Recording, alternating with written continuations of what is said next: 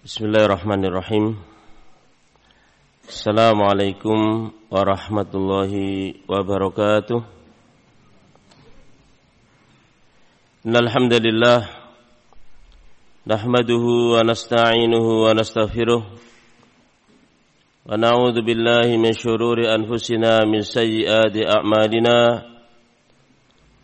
Man yahdihillahu fala mudilla lahu ومن يدلل فلا هادي له وأشهد أن لا إله إلا الله وحده لا شريك له وأشهد أن محمدا عبده ورسوله. يا أيها الذين آمنوا اتقوا الله حق تقاته ولا تموتن إلا وأنتم مسلمون. يا أيها الناس اتقوا ربكم الذي خلقكم من نفس واحدة. وخلق منها زوجها وبث منهما رجالا كثيرا ونساء.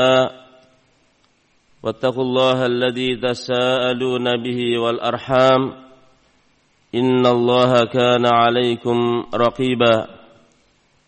يا أيها الذين آمنوا اتقوا الله وقولوا قولا سديدا. يصلح لكم أعمالكم ويغفر لكم ذنوبكم. ومن يطع الله ورسوله فقد فاز فوزا عظيما. أما بعد فإن أصدق الحديث كتاب الله وخير الهدي هدي محمد صلى الله عليه وسلم وشر الأمور محدثاتها فإن كل محدثة بدعة وكل بدعة ضلالة وكل ضلالة في النار. Ikhwani fillah rahimani wa rahimakumullahu jami'a. Di antara indahnya syariat ini Di antara hal yang menunjukkan indahnya Islam Bahwa agama ini adalah agama yang mudah. Mudah keyakinannya Mudah amalannya dan mudah pula akhlak dan muamalahnya. Sebagaimana sabda Rasul alaihi salatu wasalam, Inna dina yusrun. Sesungguhnya agama ini mudah. Demikian pula Allah Subhanahu wa taala berfirman, "Wa ma ja'ala 'alaikum fid dini min haraj." Tidaklah Allah menjadikan kesulitan untuk kalian dalam beragama ini. Dan ini pula serupa dengan firman Allah Subhanahu wa taala, "Yuridullahu bikumul yusra wa la yuridu bikumul usra." Allah menginginkan kemudahan untuk kalian. Tidak menginginkan kesulitan atau kesukaran untuk kalian. Kita akan tahu mudahnya agama ini di antaranya dengan membandingkan dengan syariat-syariat sebelum syariat Nabi Muhammad alaihi salatu wasalam. Dahulu dikatakan wa bididdiha tatamayyazul asya. Dengan adanya perbandingan, dengan adanya lawan, sesuatu akan bisa diketahui perbedaannya, perbandingannya. Satu contoh misalnya, umat sebelum kita, mereka tidak boleh melaksanakan sholat kecuali di tempat yang telah dikhususkan. Di tempat yang telah dikhususkan untuk pelaksanaan sholat. Berbeda dengan umat ini. Rasulullah alaihi salatu wasallam mengatakan wa ju'ilat liyal ardu masjidan wa tahuran. Allah telah menentukan bagi saya seluruh tanah di muka bumi ini adalah tempat untuk sholat dan alat untuk bersuci. fa ayyuma rajulin min ummati adrakatus salatu falyusalli maka di mana pun seorang dari umatku waktu sholat telah datang hendaklah dia sholat. Pernah Rasulullah alaihi salatu wasallam dengan pasukannya dalam safar dalam bepergian. Ketika mereka letih dalam perjalanan di akhir malam mereka ta'aris. Ta'aris itu tidur atau istirahat di akhir malam di sebuah lembah sahabat Bilal siap untuk berjaga nanti di saat datang waktu subuh akan membangunkan Rasul dan ya pasukannya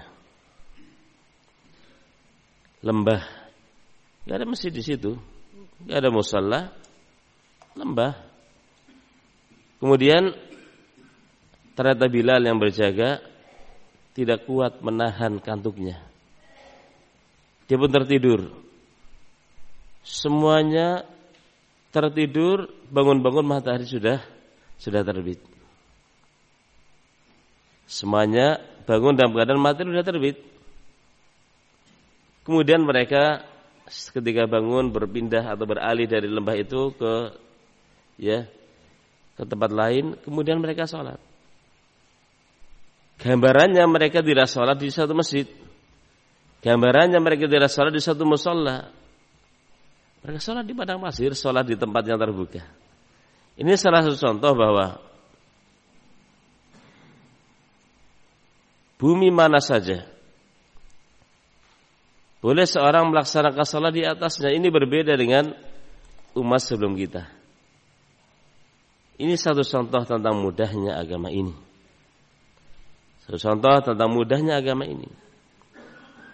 Dahulu orang-orang Yahudi mereka kalau istri-istri mereka sedang datang bulan, sedang haid, mereka membuatkan atau meletakkan istrinya di luar rumah mereka membuat tempat semacam kandang kambing diletakkan istrinya di sana.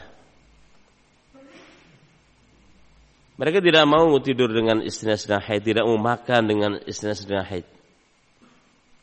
Dalam Islam, ya, syariat Muhammad alaihi salatu wasallam tidak seperti itu. Ini beberapa contoh yang menunjukkan mudahnya agama ini. Rasul alaihi salatu wasallam bersabda, "Inna dina yusrun." Walan yushadad dina ahadun illa ghalabah.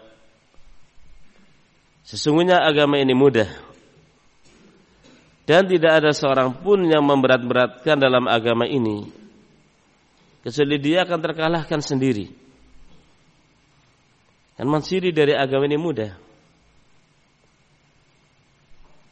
adalah Rasulullah sallallahu alaihi wasallam.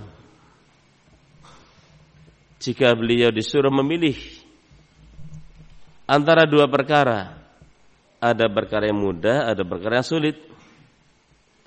Beliau pilih perkara yang termudahnya selama tidak ada padanya dosa. Beliau pilih yang termudahnya. Masya Allah rahimakumullah banyak sekali ulama menyebutkan beberapa contoh dari mudahnya agama ini. Tujuan dari mereka memaparkan beberapa contoh tentang mudahnya syariat ini. Yang pertama faedahnya agar kita mensyukuri nikmat Allah SWT di mana kita menjadi umat Muhammad, umatnya dimudahkan Gak terbayang bagaimana kalau kita umatnya Isa, umatnya umatnya Musa. Dengan ini kita mensyukuri nikmat Allah. Kemudian yang kedua, ya, dengan kita mengetahui mudahnya syariat ini, maka kita ya, tidak akan meremehkan, tidak akan meremehkan aturan-aturan Allah, ketentuan-ketentuan Allah sudah dimudahkan mau apa lagi? Sudah dimudahkan tentunya kita ya akan bersemangat. Di antara bentuk kemudahan syariat. Misalnya Allah SWT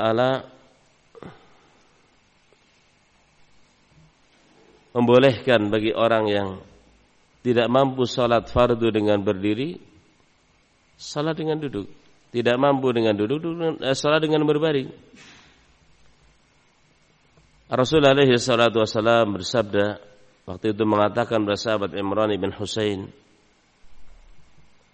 Sahabat Imran bin Husain ini seorang sahabat Nabi yang diuji oleh Allah dengan beragam penyakit di antaranya penyakit bawasir, penyakit ambeien.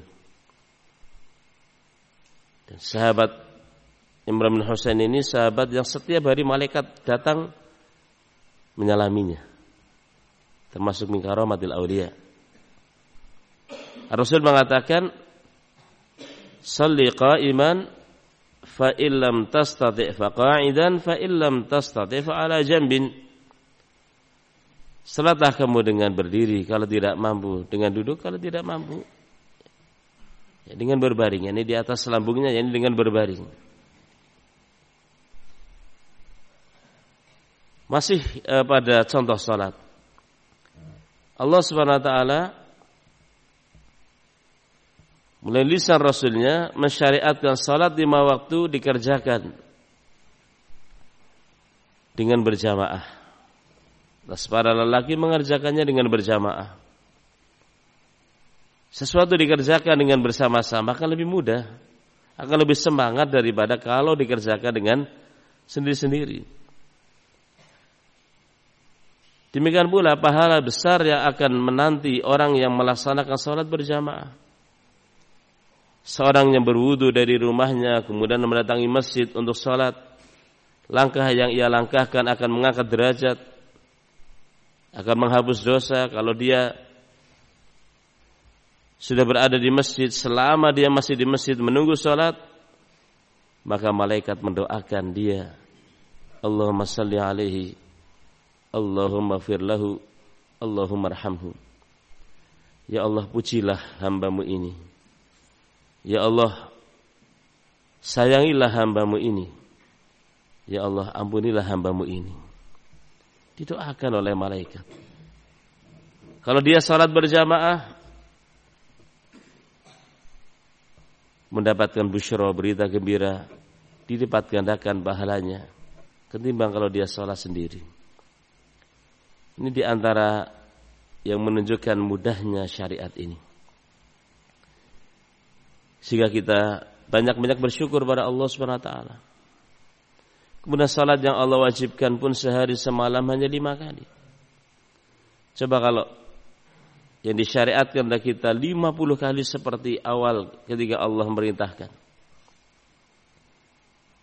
Berkat fadl min Allah kemudian jasa dari Nabi Musa alaihi salatu wasalam. Perintah salat yang awalnya 50 kali kemudian Allah ringankan menjadi lima kali pada peristiwa Isra dan Mi'raj ketika Nabi alaihi salatu wasalam waktu itu mendapatkan perintah untuk melaksanakan salat sehari semalam 50 kali kemudian Nabi turun dari langit tujuh ke langit ke enam bertemu dengan Nabi Musa Nabi Musa bertanya apa yang Allah perintahkan kepada kamu Rasul menyebutkan bahwa Allah perintah untuk salat 50 kali sehari semalam. Kata Nabi Musa, umatmu tidak akan mampu. Dulu saya diberi ya diperintah seperti itu. Namun Bani Israel tidak mampu, umatmu lebih lemah. Tidak akan mampu. Kembali lagi kepada Allah minta keringanan. Rasul kembali lagi naik ke atas ke langit tujuh, kemudian minta kepada Allah keringanan, Allah ringankan. Mondar mandir antara langit enam, langit tujuh, sampai ketika sudah menjadi lima kali sehari semalam, Nabi Musa masih mengatakan, minta keringanan lagi kepada Allah. Kata Rasul saya sudah malu. Maka Allah tetapkan, ia lima tetapi lima puluh. Ia lima tetapi lima puluh. Kalau ada yang bertanya, dari sisi mana? Allah SWT dengan rahmatnya melipat gandakan satu kebaikan minimalnya 10 kali. Allah SWT mengatakan man ja'a bil hasanati falahu asyru amsalihah. Barang siapa yang datang membawa kebaikan, satu kebaikan, dia mendapatkan asyru amsalihah. Sepuluh kali lipatnya. Lima kali sepuluh, lima puluh.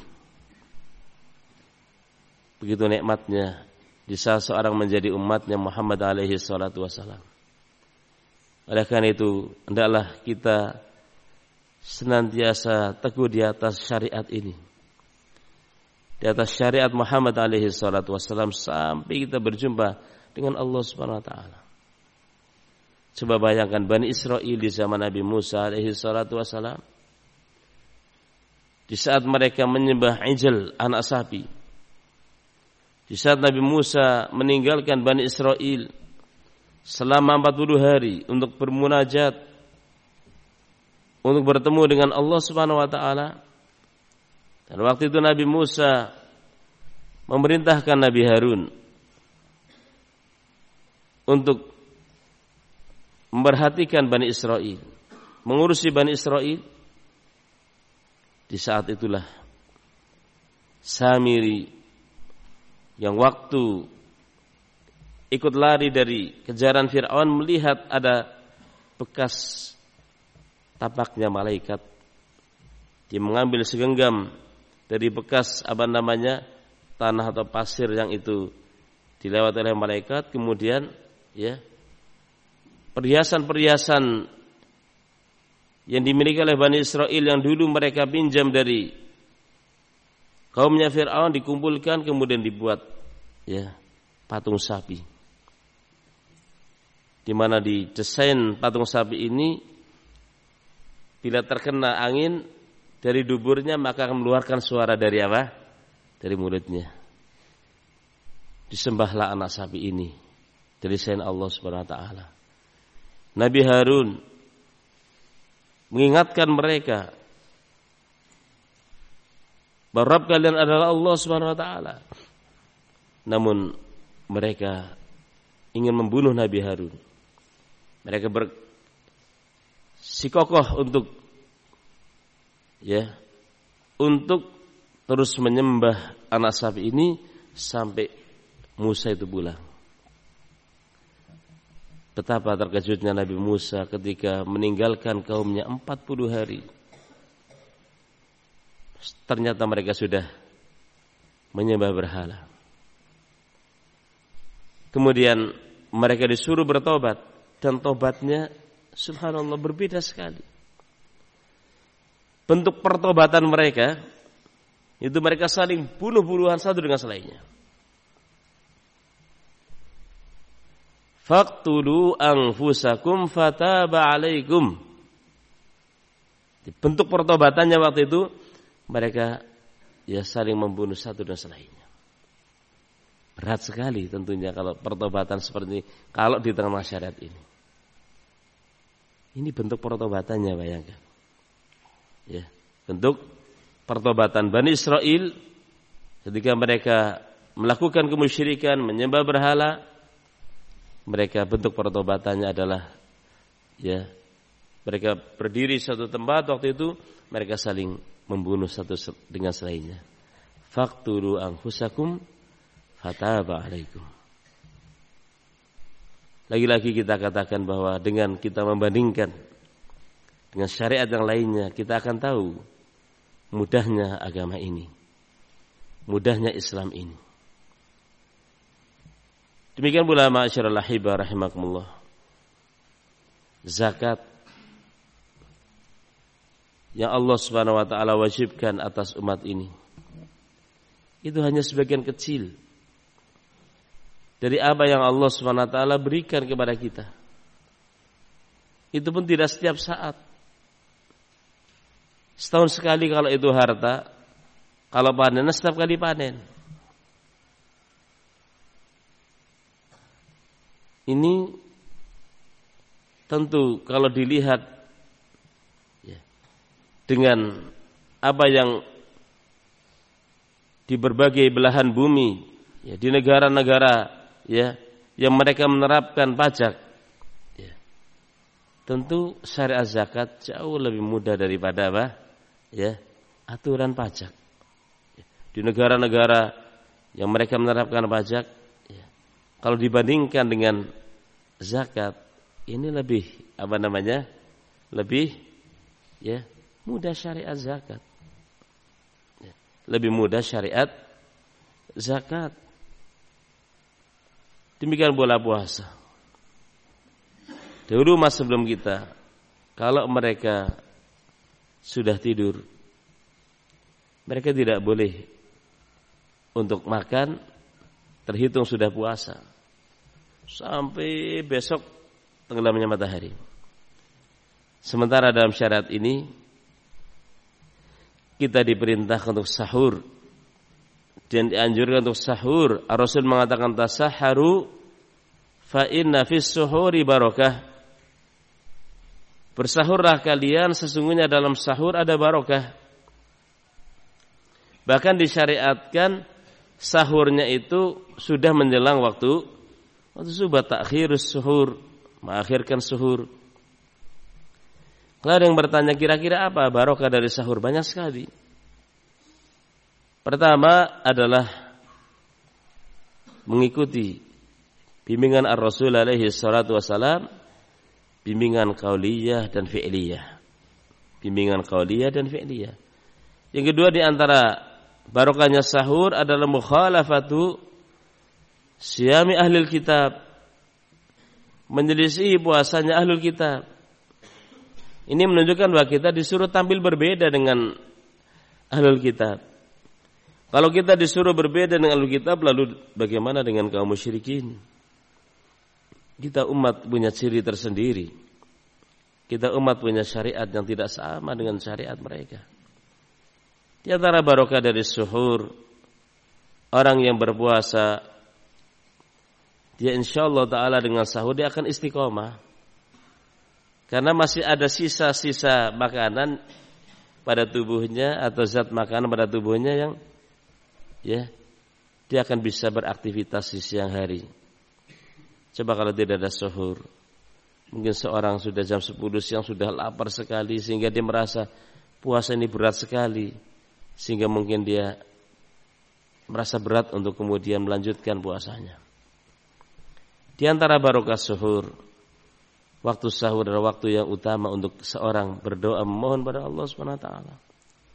Sepertiga malam yang terakhir adalah waktu yang mustajab untuk seorang berdoa. Di sela-sela dia suhur dia dia juga berdoa mohon kepada Allah. Di antara barokah suhur atau sahur umumnya orang yang sholat subuh berjamaah di bulan Ramadan lebih banyak daripada di, di selain bulan Ramadan. Karena umumnya orang ketika sudah suhur dia mempersiapkan diri untuk berangkat sholat di masjid.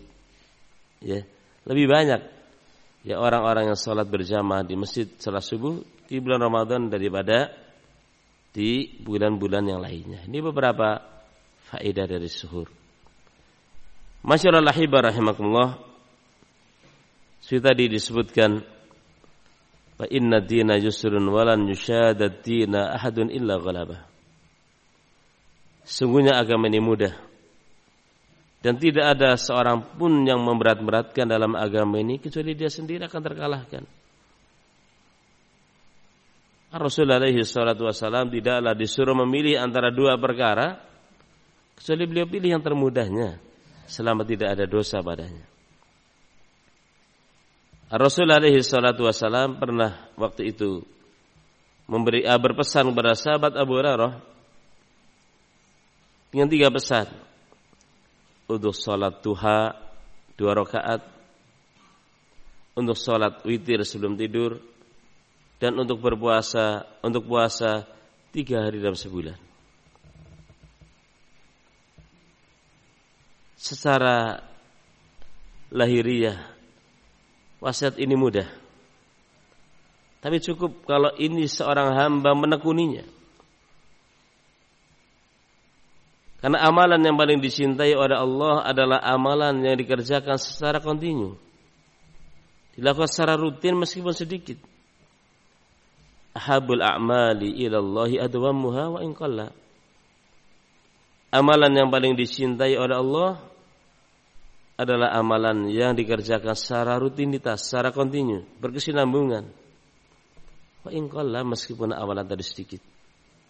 Coba perhatikan wasiat Nabi kepada Abu Hurairah untuk sholat dua rakaat duha, untuk berwitir sebelum tidur dan untuk berpuasa tiga hari dalam sebulan.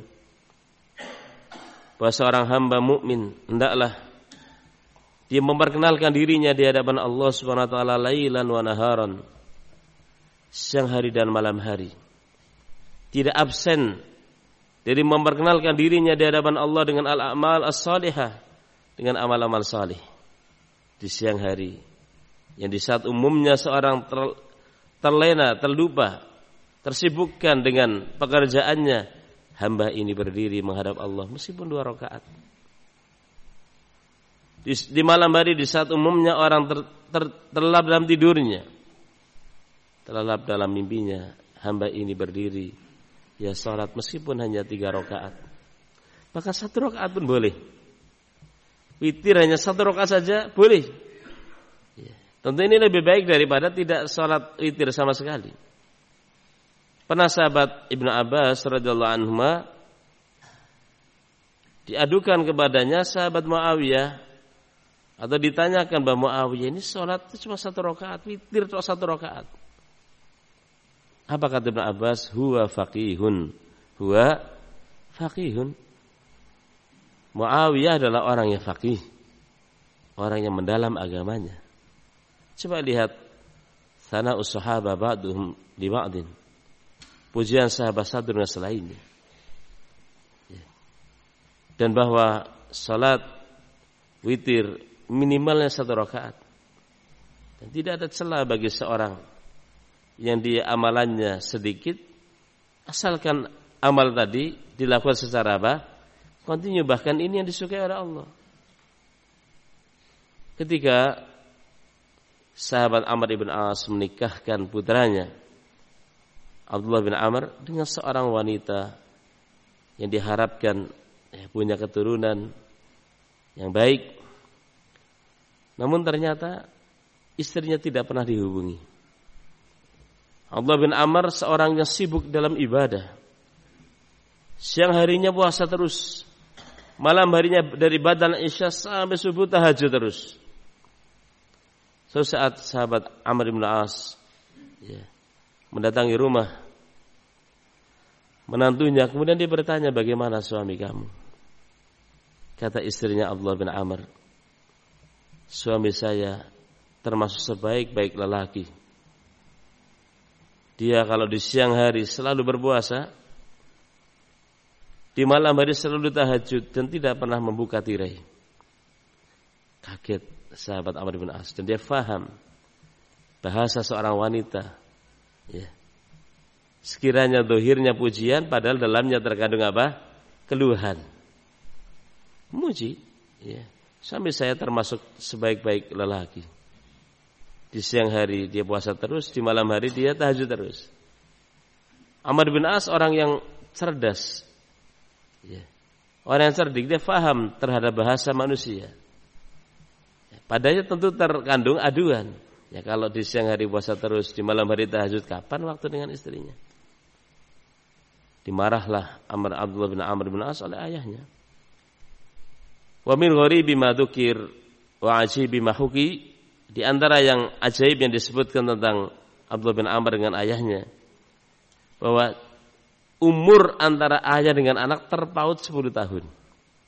Anda bisa bayangkan Abdullah bin Amr bin As dengan ayahnya itu umurnya terpaut hanya 10 tahun. Berarti waktu itu ayahnya nikah umur berapa? 9 setengah atau 10 tahun lah sudah. Bayangkan. Ya. Ini mamin gharibi mahuki. Ya, di antara yang unik yang disebutkan bahwa antara sahabat Abdullah bin Amr bin As dengan ayahnya itu umurnya terpaut hanya 10 tahun. Nah, terpaut hanya 10 tahun. Dibawalah sahabat Abdullah bin Amr bin As di hadapan Nabi alaihi salatu wasalam. Diadukan ya bahwa anak saya ini ya Rasulullah dia seperti seperti, seperti ini.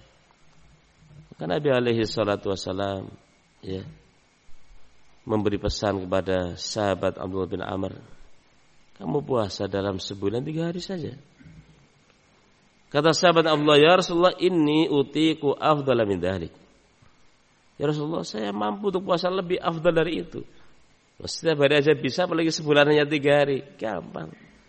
Dia masih muda, ya kuat. Kata Rasul, ya puasa Senin Kemis. Kata sahabat Abu bin Amr bin As, ya Rasulullah, saya bisa puasa lebih dari itu. Sampai kepada, sudah kamu puasa,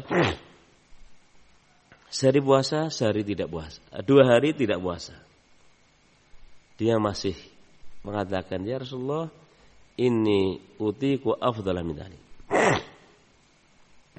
Sampai kepada Nabi mengatakan sum yawman wa aftir yawman. Dzaka saumu akhi Daud. Sudah kalau demikian kamu sehari puasa, sehari tidak puasa. Itulah puasa saudara saya, yaitu Nabi Daud. Jika orang mengatakan puasa Daud, ya kan? Kata dia,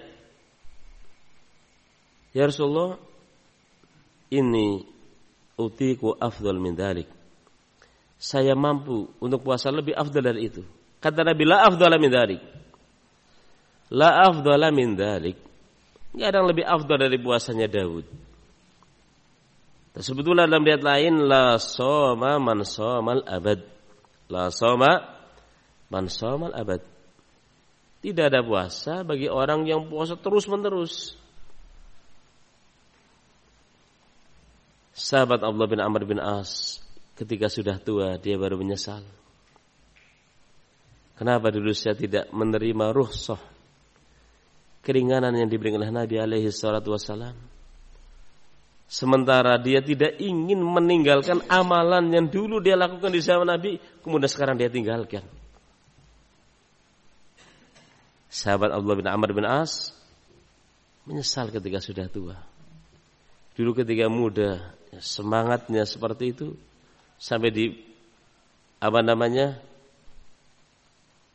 disaran oleh Nabi untuk puasa se, sebulan tiga kali dia merasa ringan. Bahkan disaran untuk puasa Dawud yang itu paling utamanya puasa sehari puasa sehari tidak puasa dia pun merasa bisa puasa lebih dari itu. Maka Nabi mengatakan la afdala min ada yang lebih afdal tidak ada yang lebih utama dari ini. Kemudian ketika beliau sudah mulai tua dan tentu kekuatan tidak seperti di saat beliau masih muda. Beliau pun tidak ingin meninggalkan kebiasaan amalan yang dulu dia lakukan di zaman Nabi ketika masih hidup, kemudian dia tinggalkan di saat sudah Rasul meninggal. Dia tidak ingin. Ini tentu barakallahu fikum. Ya, salah satu contoh bahwa Rasul alaihi salatu wasalam menganjurkan umatnya kepada perkara yang mudah. Kepada perkara yang yang mudah. Sampai pun seorang misalnya dia bersumpah atas suatu sumpah. Kemudian dia melihat membatalkan sumpah. Itu lebih baik batalkan saja sumpahnya. Jangan orang mempertahankan sumpahnya kemudian timbul di sana mudorot atau di sana terlewat sebuah masalahnya lebih besar Ya. Rasul mengatakan wa idza halafta ala yaminin fara'a fara'aita ghairaha khairan minha fa'til ladhi huwa khair wa kafir an yaminik. Jika kamu bersumpah atas satu sumpah lalu engkau memandang selain dari apa yang kamu sumpah itu lebih baik maka datang yang lebih baik dan batalkan sumpahnya lalu bayar kafaratnya. Sekarang misalnya kamu bersumpah demi Allah hari ini saya tidak akan makan. Demi Allah hari ini saya tidak akan makan. Tidak berapa lama tiba-tiba datang saudara kamu dari luar pulau ya, bertamu. Ya mereka letih, mereka lapar, mereka butuh disuguhi makanan. Namun mereka sepertinya enggan untuk makan kecuali kamu ikut makan. Bagaimana tuan rumah enggak ikut makan? Mereka enggan untuk makan. Sementara kamu bersumpah untuk tidak makan dari itu. Dalam kondisi seperti ini lebih baik kamu batalkan sumpah kamu. Kamu hormati tamu-tamu kamu yang itu masih kerabat kamu terutama. Kamu ikut makan dengan mereka. Kamu batalkan sumpah kamu, kamu biar kafarat lebih ringan. Lebih apa? Ringan. Ini salah contoh. Ya. Ini juga salah satu contoh dari mudahnya syarat ini. Puasa juga seperti itu, Allah mudahkan. Orang yang tidak bisa puasa, jadi orang sudah sepuh, ya. maka cukup membayar fidyah. Bedanya apa orang yang sudah tua dengan orang yang sakit? Kalau orang yang sakit itu insya Allah bisa sembuh. Ya. Maka orang yang sakit yang kemungkinan akan sembuh tidak membayar kafarat tapi membayar puasanya. Tapi orang sudah tua mau diharapkan mudah kembali ya nggak mungkin. Ya, penyakit ya sudah ketua anda tua itu nggak akan mungkin diharapkan mudahnya. Maka bagi mereka untuk yang membayar fidyah. Ya. Haji pun seperti itu. Allah mudahkan. Allah wajibkan haji bagi orang yang mampu. Pun demikian dalam seumur hanya sekali. Rasul mengajak mengatakan al-hajju marrah. Fama zada fahuwa tatawwu. Haji itu kewajibannya hanya sekali. Apa yang lebih dari itu adalah sunnah. Datang seorang wanita kepada Nabi alaihi salatu wassalam. Waktu itu seorang wanita yang cantik sekali. Waktu itu di belakang Nabi ada Al-Fadl ibn Abbas. Datang ke Mina menanyakan satu permasalahan waktu itu.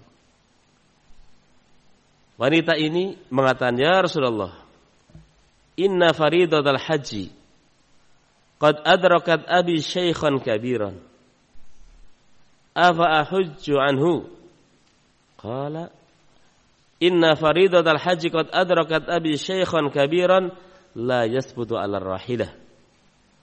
Afa ahujju anhu? Qala hujji anhu. Kata wanita ini, ya Rasulullah. Sesungguhnya kewajiban haji sudah menemui bapak saya yang sudah tua, yang tidak mungkin duduk di atas kendaraan, saking tuanya. Secara finansial, secara harta cukup Orang tuanya punya harta yang cukup, tapi secara fisik gak memungkinkan. Duduk di atas kendaraan aja gak bisa karena sudah sayang tuanya. Boleh gak kalau saya hajikan? Kata Nabi Huji anhu. Silahkan kamu hajikan ayah kamu. Waktu itu di belakang Nabi ada Al-Fadl ibn Abbas, seorang pemuda yang ganteng gagah. Sebenarnya yang tanya seorang pemuda yang cantik sekali. Nabi palingkan wajahnya Al-Fadl ibn Abbas. Karena pemuda dan pemudi ya di saat mereka saling ya berpandangan khawatir akan terkena fitnah. Rasul mengatakan asyabu asyabatu la tu'manu alihimal fitnah. Asyabu asyabatu la tu'manu alihimal fitnah. Pemuda dan pemudi ya saat mereka saling berpandangan seperti itu tidak aman dari mereka fitnah. Terlebih ini seorang wanita yang datang cantik sekali. Dan Fadl pun ya seorang lelaki yang ganteng tentunya. Nabi palingkan wajahnya Al-Fadl ibn Abbas untuk tidak memandang ya ya wanita yang syabah tersebut. Intinya barakallahu fikum uh, faridatul hajj wajiban haji pun seperti tadi. Dalam sumber hanya sekali dan Allah wajibkan bagi orang yang mampu. Allah mengatakan walillahi 'alan nasi hajjul baiti man istata'a ilaihi sabila. Ini di antara contoh mudahnya syariat Islam. Demikian pula larangan-larangan dalam agama pun merupakan bentuk kemudahan dari syariat ini. Larangan-larangan yang Allah larang. Jauh lebih sedikit daripada apa yang Allah halalkan. jauh lebih sedikit daripada apa yang Allah ya bolehkan. Allah melarang khamr, tapi Allah membolehkan ya minuman-minuman yang lainnya yang banyak yang halal. Allah menghalalkan madu, ya Allah menghalalkan air, ya sumur, ya air sumber, ya air apa namanya?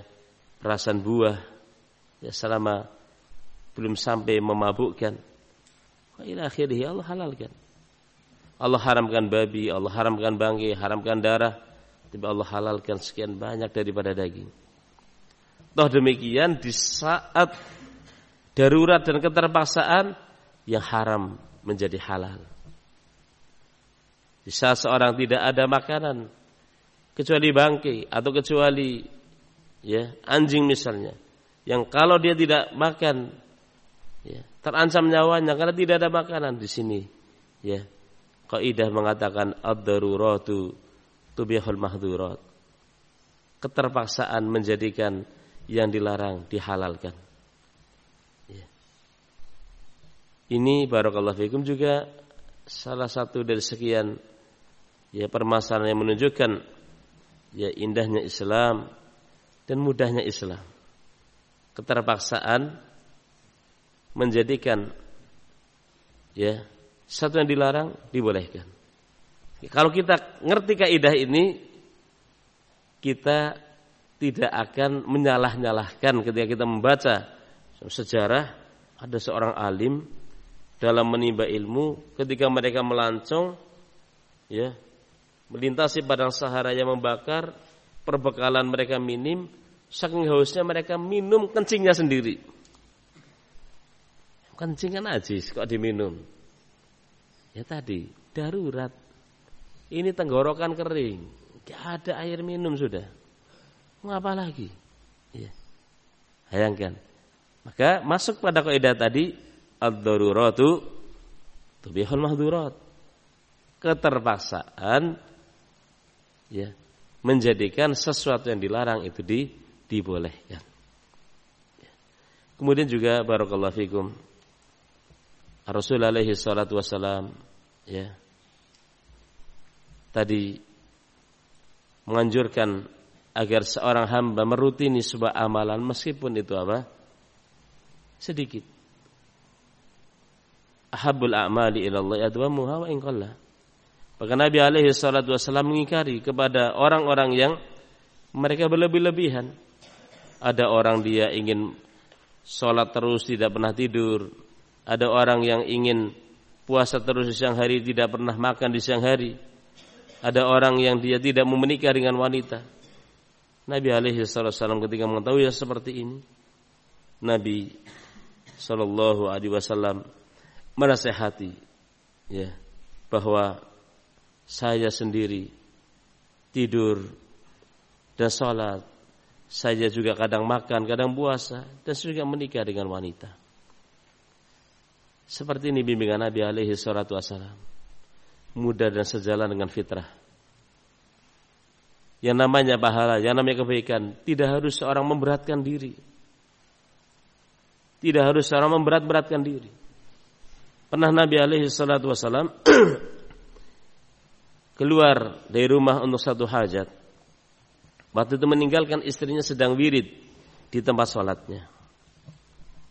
Keluar lama, kemudian pulang sudah apa namanya agak siang, istrinya masih duduk di tempat wiridnya.